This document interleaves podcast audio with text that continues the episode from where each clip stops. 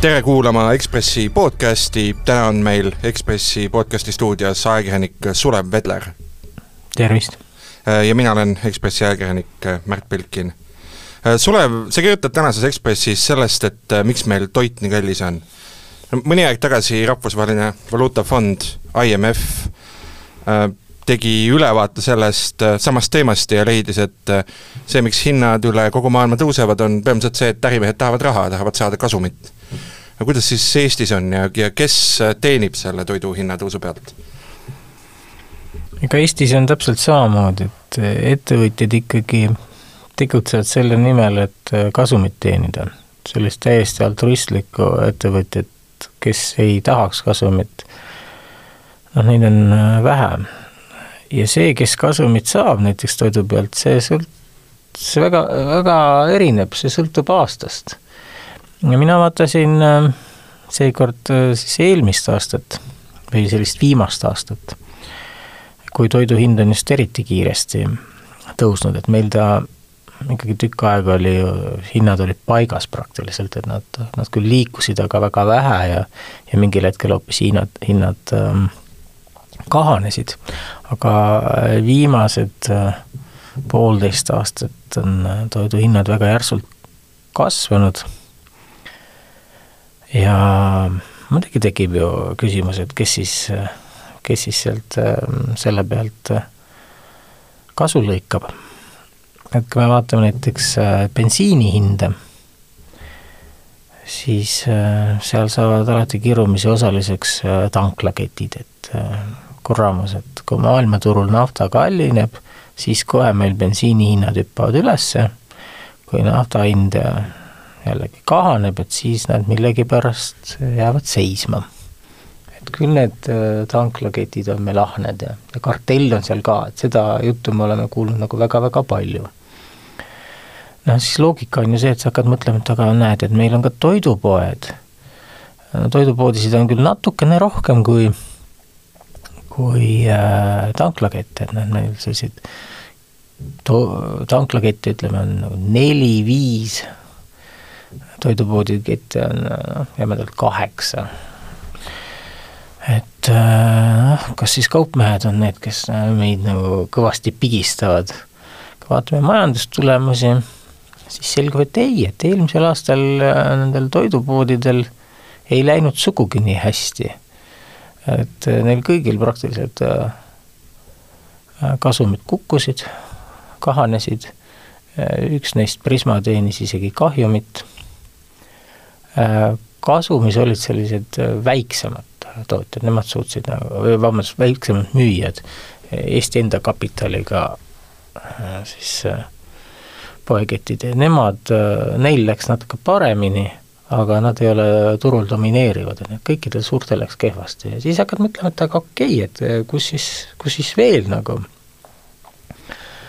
see kasumi saamise allikas on, et kes veel sealt kasumit lõikavad, noh, ja loogika ütleb, et et siis peab olema siis äh, kas toidutootja, ehk see on siis noh, ütleme piimakombinaat või seal leivatehas, või siis ka see, kes äh, toitu kasvatab, äh, ehk siis talunikud.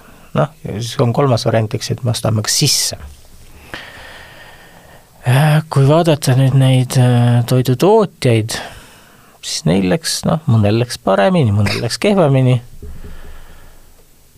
aga kellel läks hästi, need olid talunikud, need olid põllumehed. et eelmisel aastal oli erakordselt soodne aeg, vähemalt mis puudutas näiteks äh, Eestis piimatootjaid, nende kasumid äh, olid päris rasvased, teraviljatootjatel läks hästi, ma avastasin hämmastusega, et näiteks üks äh, juurvilju kasvatav talu, et temal läks nagu erakordselt hästi jällegi seakasvatajatel, ähm, neil oli natuke nukram aasta.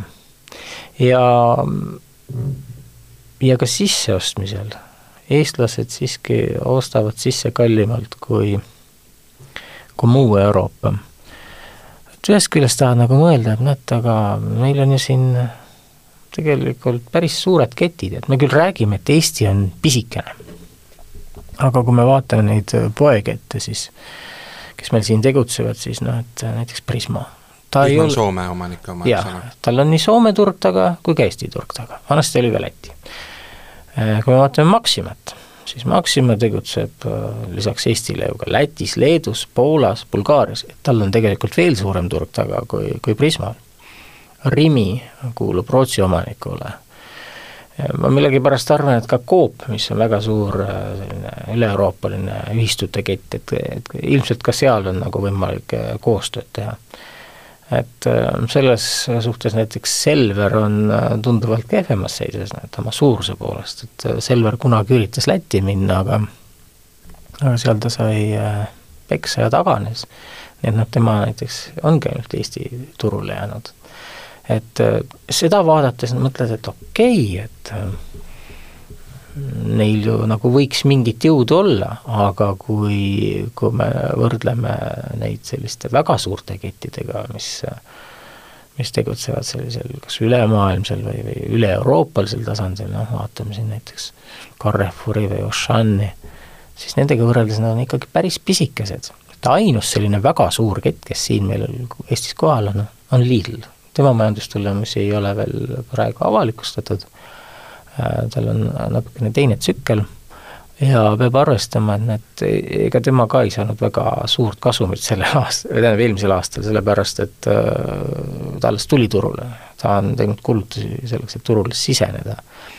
aga ega ka tema hinnad ei ole sellepärast Eestis väga, väga odavad, et äh, eestlased on kuidagi väga rahumeelne rahvas, et meie vabadust oli ka niimoodi ilma sõjata, et samamoodi me ei lähe välja toiduhindade vastu protestima millegipärast, et me teeme muude asjade vastu, avaldame meelt. kui palju siin võib rolli mängida see, et noh, meil on töö, toidutöösturid teinud aastaid väga tõhusaid kampaaniaid, eelista eestimaist äh,, ja Eesti inimesed äh, on täitsa harjunud äh, Eesti kaupa ostma, et mäletame, et kui Lidl eelmisel aastal turule tuli, siis inimesed olid päris pahased, et äh, nad said odavat kuskilt Poolast või Saksamaalt pärit kaupa ja Eesti nii-öelda oma märgi tuntud tooteid oli vähem. No sa toodki siin konkreetselt näite Laheotsa talust, eks ole, mis ongi mm, -hmm. toodab igasugu juurikaid ja ka natuke teravilja ja hästi natuke tegeleb elektri ja metsaga ka, aga peamiselt ikka toodab toitu ja nemad teenisid kaheksa miljonit äh, kasumit, äh, Coop samas kuue miljoni kanti. ehk mm. siis äh, noh, tegelikult üks vabandust, vabandust, kaheksa miljonit oli nende käive ja, ja sellest puhas kasum oli kuus koma kaks, mis on ise juba väga võimas marginaal, eks ole, seitsekümmend seitse protsenti just, aga igatahes kasum oli neil võrreldavas suurusjärgus kogu Coopiga üldse. noh, see, see näitab, et Coopil oli lihtsalt väga kehv aasta ja vastupidi jällegi talunikel oli väga hea aasta. aga vaatame näiteks seda aastat, siis ilmselt on olukord teistsugune, et põllumajandus sõltub väga palju ühest küljest sellest, mis maailmaturul toimub ja teisest küljest sellest, mis ilmastikuga toimub sellel aastal äh, kevad oli hästi külm, siis tuli juuni, mis oli hästi soe ja põuane, jah, ja praegu jällegi viimasel ajal sajab kogu aeg, et äh, noh, sellel aastal ei pruugi need äh, saagid sugugi nii head tulla kui eelmisel aastal. et siis jällegi need, need kasumite jaotus hakkab muutuma. et küllap siis teenib kasumit keegi teine. Aga mis huvitav on, on see muidugi, et ähm, maailmaturul on viimasel ajal toit nagu kõvasti kukkunud, meil on ta kasvanud, et et vot need kaks asja nagu ei lähe kokku, aga, aga maailmaturul ongi see asi, et seal teevad äh, noh, annavad tooni hoopis teistsugused ettevõtted, et see on nagu ka naftaturul ja ka metallide ja muude toormete turgudel, et äh, seal tegutsevad suured äh, kaubandusettevõtted, treiderid, nemad oskavad äh, kasumit lõigata nii siis, kui hinnad kasvavad, kui ka siis, kui hinnad kahanevad ja nad noh, teevad tõsiselt suuri-suuri tehinguid, miljardite kaupa.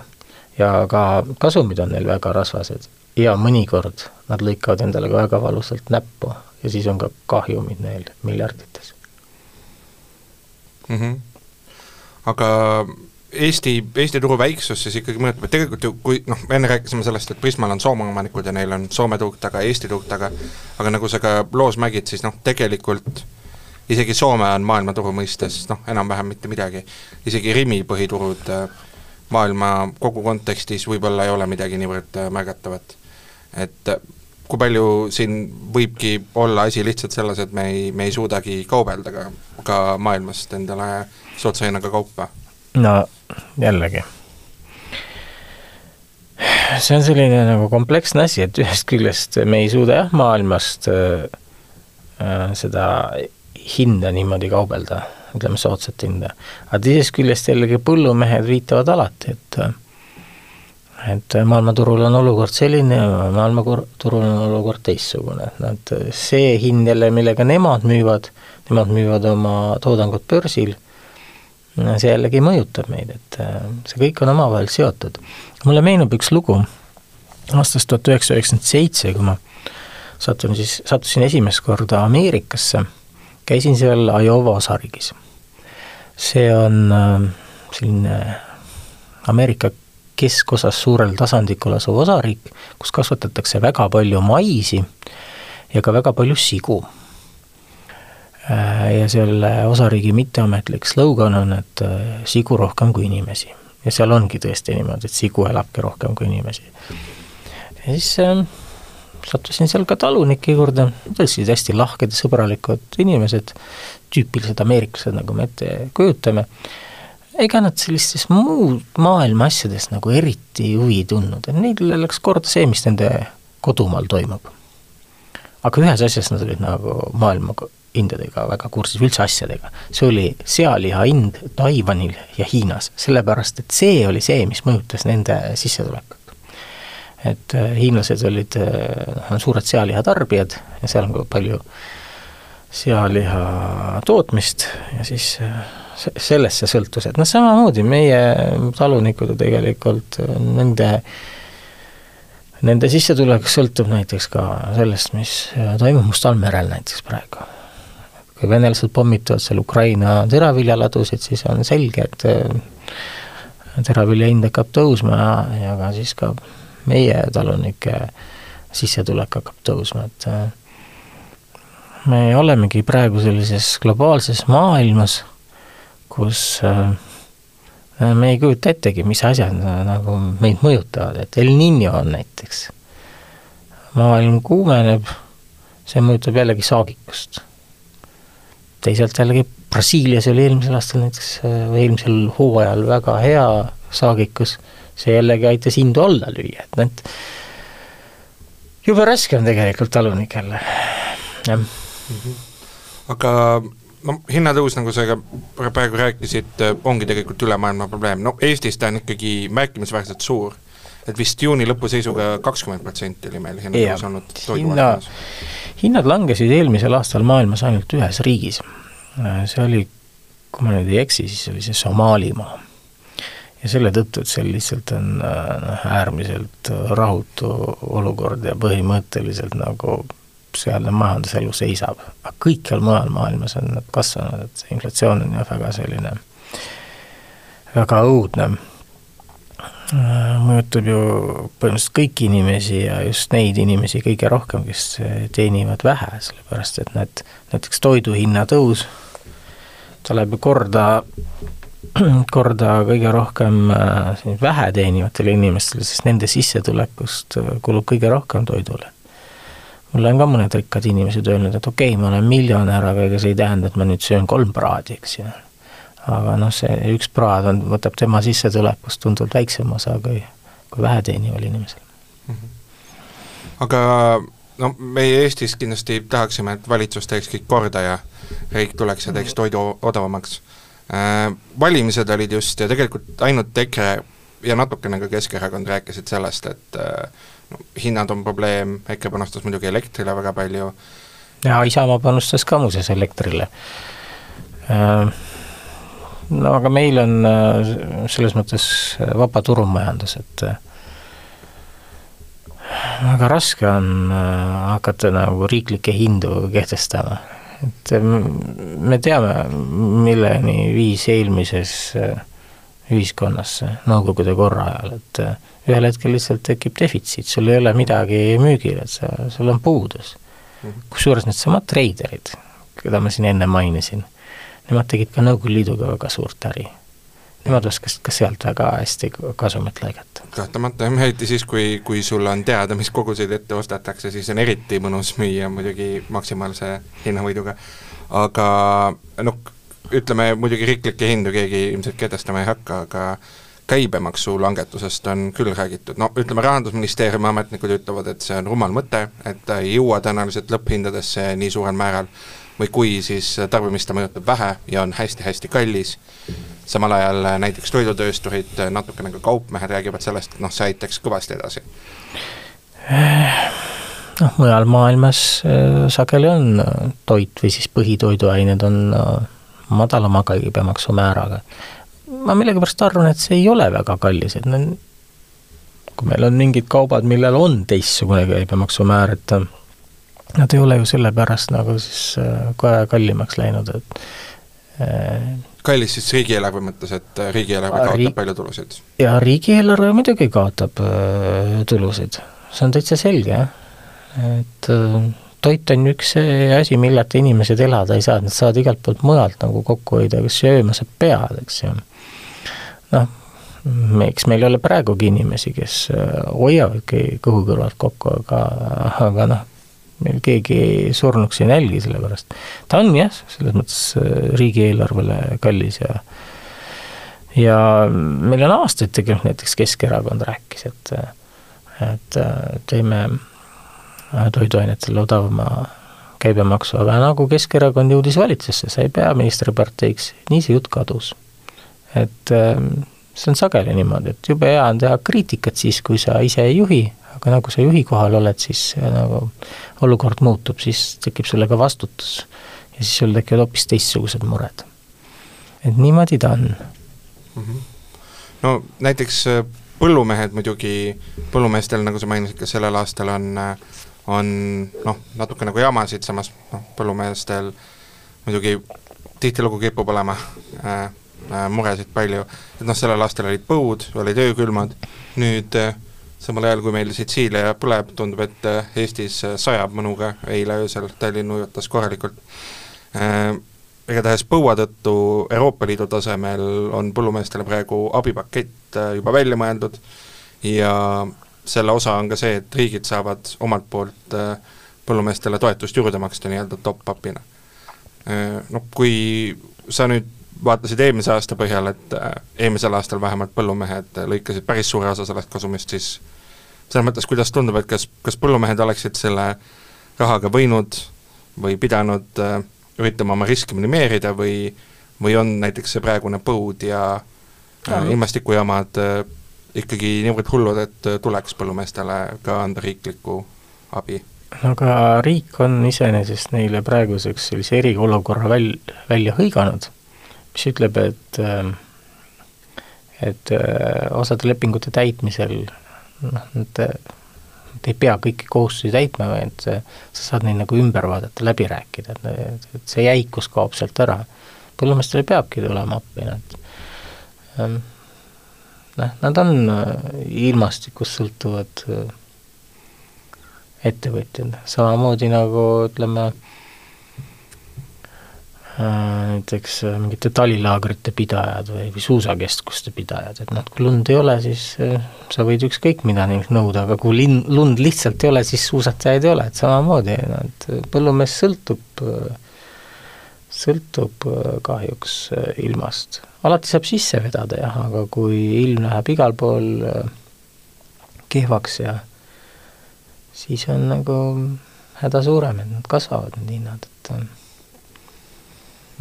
siin ei ole head lahendust, aga, aga muuseas, see süsteem on iseenesest väga vana, et juba siin ähm, seitsmeteistkümnendal sajandil Eesti põllumehed äh, sõltusid sellest, mida teevad äh, viljahinnad kuskil madalmaadest, et me olime väga suur viljaait Euroopale tollal mm. -hmm aga mida, mida meie majandusmehed, analüütikud ja, ja need, kes suuri arve ja majanduse käekäiku jälgivad, mida nemad äh, sellest hinnatõusust arvavad, kas Nemad arvavad seda, et seda tuleks ohjeldada.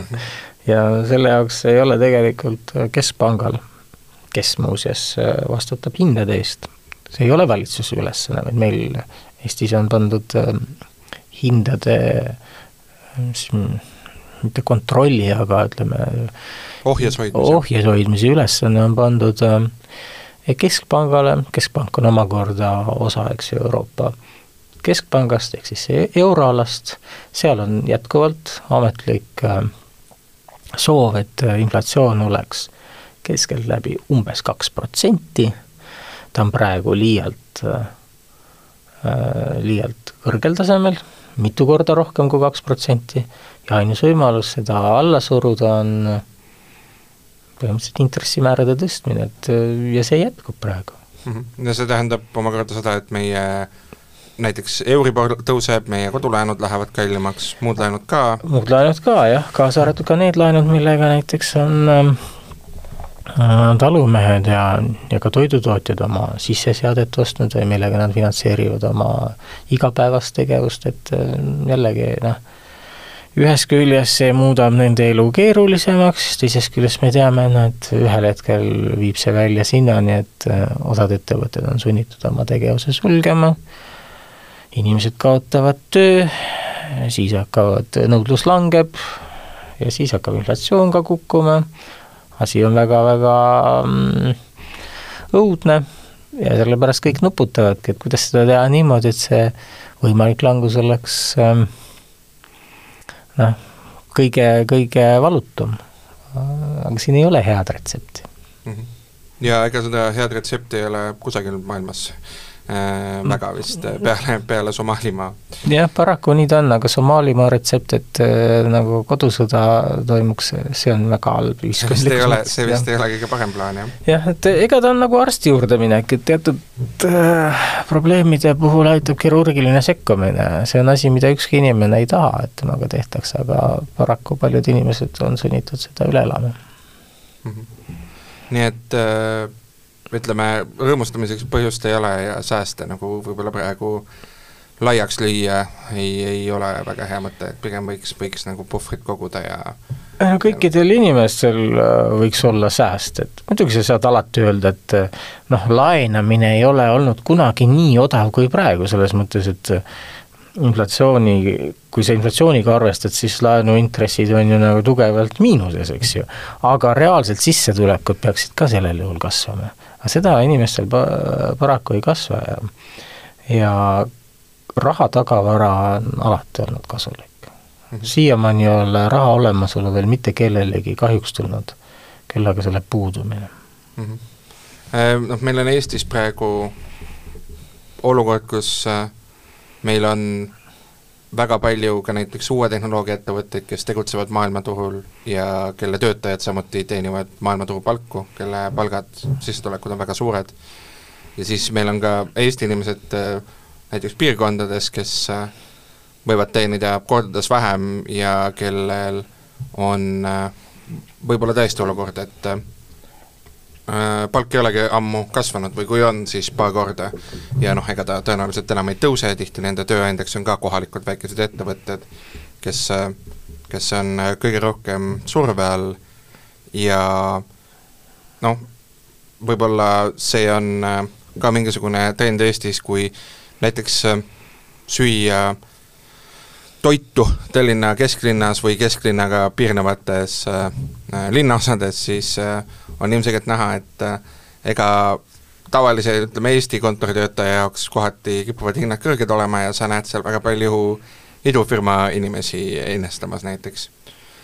Ähm, et meil on Eestis ka kuidagi erinevad on need maailmad, et äh,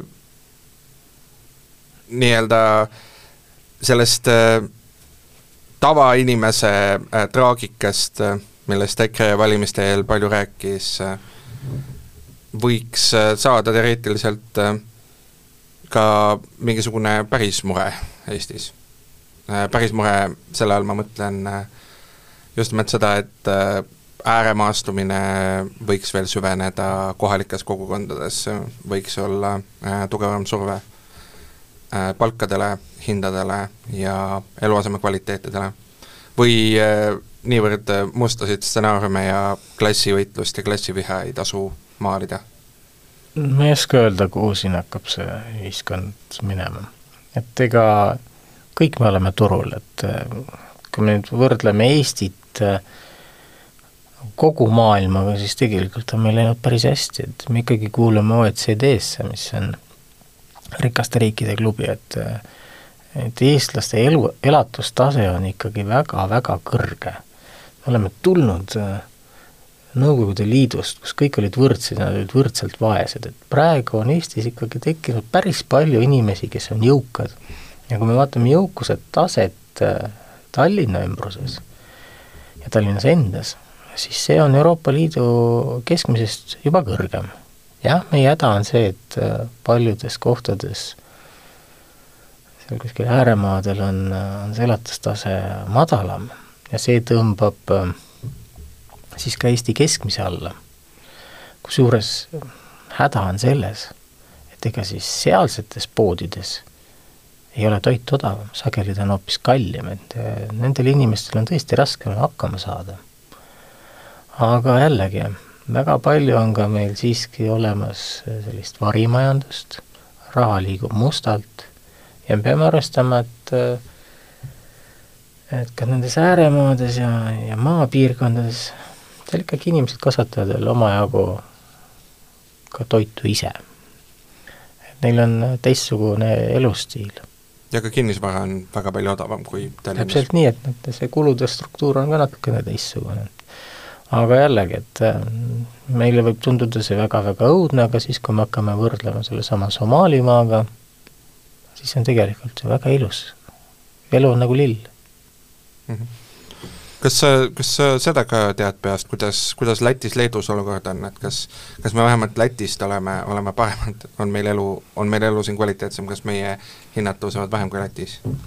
Äh, ei, meil on tõusnud nad äh, natukene rohkem, aga põhimõtteliselt ei ole sealt väga suurt vahet, et noh, et et ka siiski, kui minna Lätti, siis ega see hinnatase on enam-vähem sama, et üks asi on see, et kui palju meil äh, hinnad kasvavad, aga teine asi on see, et milline on keskmine hinnatase. et äh, ikkagi äh, nii-öelda lääneriikides käies me näeme, et et keskmine hinnatase on Eestist noh, natukene kallim veel sellistes suurtes riikides, aga me oleme paljudest riikidest juba mööda kihutanud või neile kannule jõudmas e, ja ka juba mööda läinud, sellepärast et nad, meie see hindade kasv on olnud kiirem kui seal.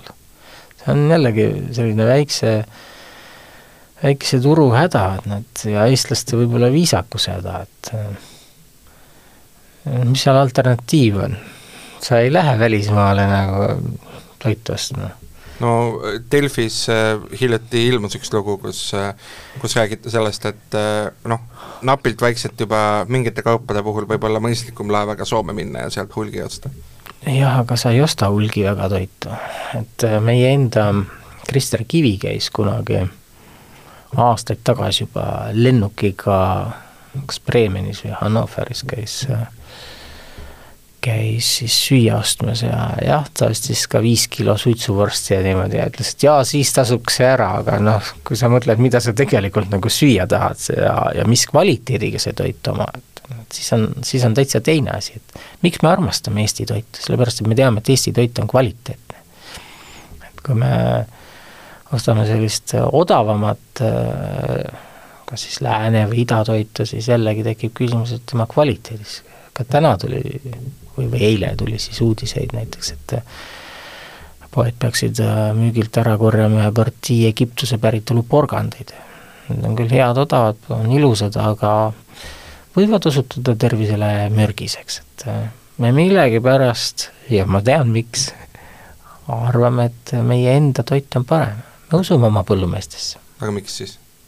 Seepärast, et nii ongi. see, see, jah, sest me usume, me teame, kuidas eestlased kasvatavad mm. -hmm. me, me usume nendesse, me arvame, et nad ei tee sellist äh, pätti nagu mõne, mõne teise riigi äh, põllumehed. Ähm, noh, kahtlemata on igal pool igasugu inimesi, kes noh, ei hooli reeglitest, aga üldiselt on Eesti toit olnud alati hea, et me oleme seda usaldanud ja minu meelest me võime seda ka edaspidi usaldada. ega aga... meil jah, ju skandaale väga, väga Eesti toidu ümber ei ole ka olnud, no meenub üks ühe eksministri äh, kitsejuust, aga ei, aga noh, suuremalt jaolt äh, mingit sellist jama, et illegaalsete mükkidega pritsitakse äh, mingit kaupa või midagi sellist, selliseid asju meil Eestis toidu, ei ole vähemalt välja tulnud. toidu kvaliteediga viimane suurem skandaal oli seotud listeeriaga. Aga ka seal oli noh ju asi selles, et lihtsalt ühte tehasesse puges üks vastik bakter sisse. aga sellest saadi lahti ja praegu võib tema toodangut äh, vabalt süüa, et äh, pole mingit probleemi, meil ei ole seda ammu enam.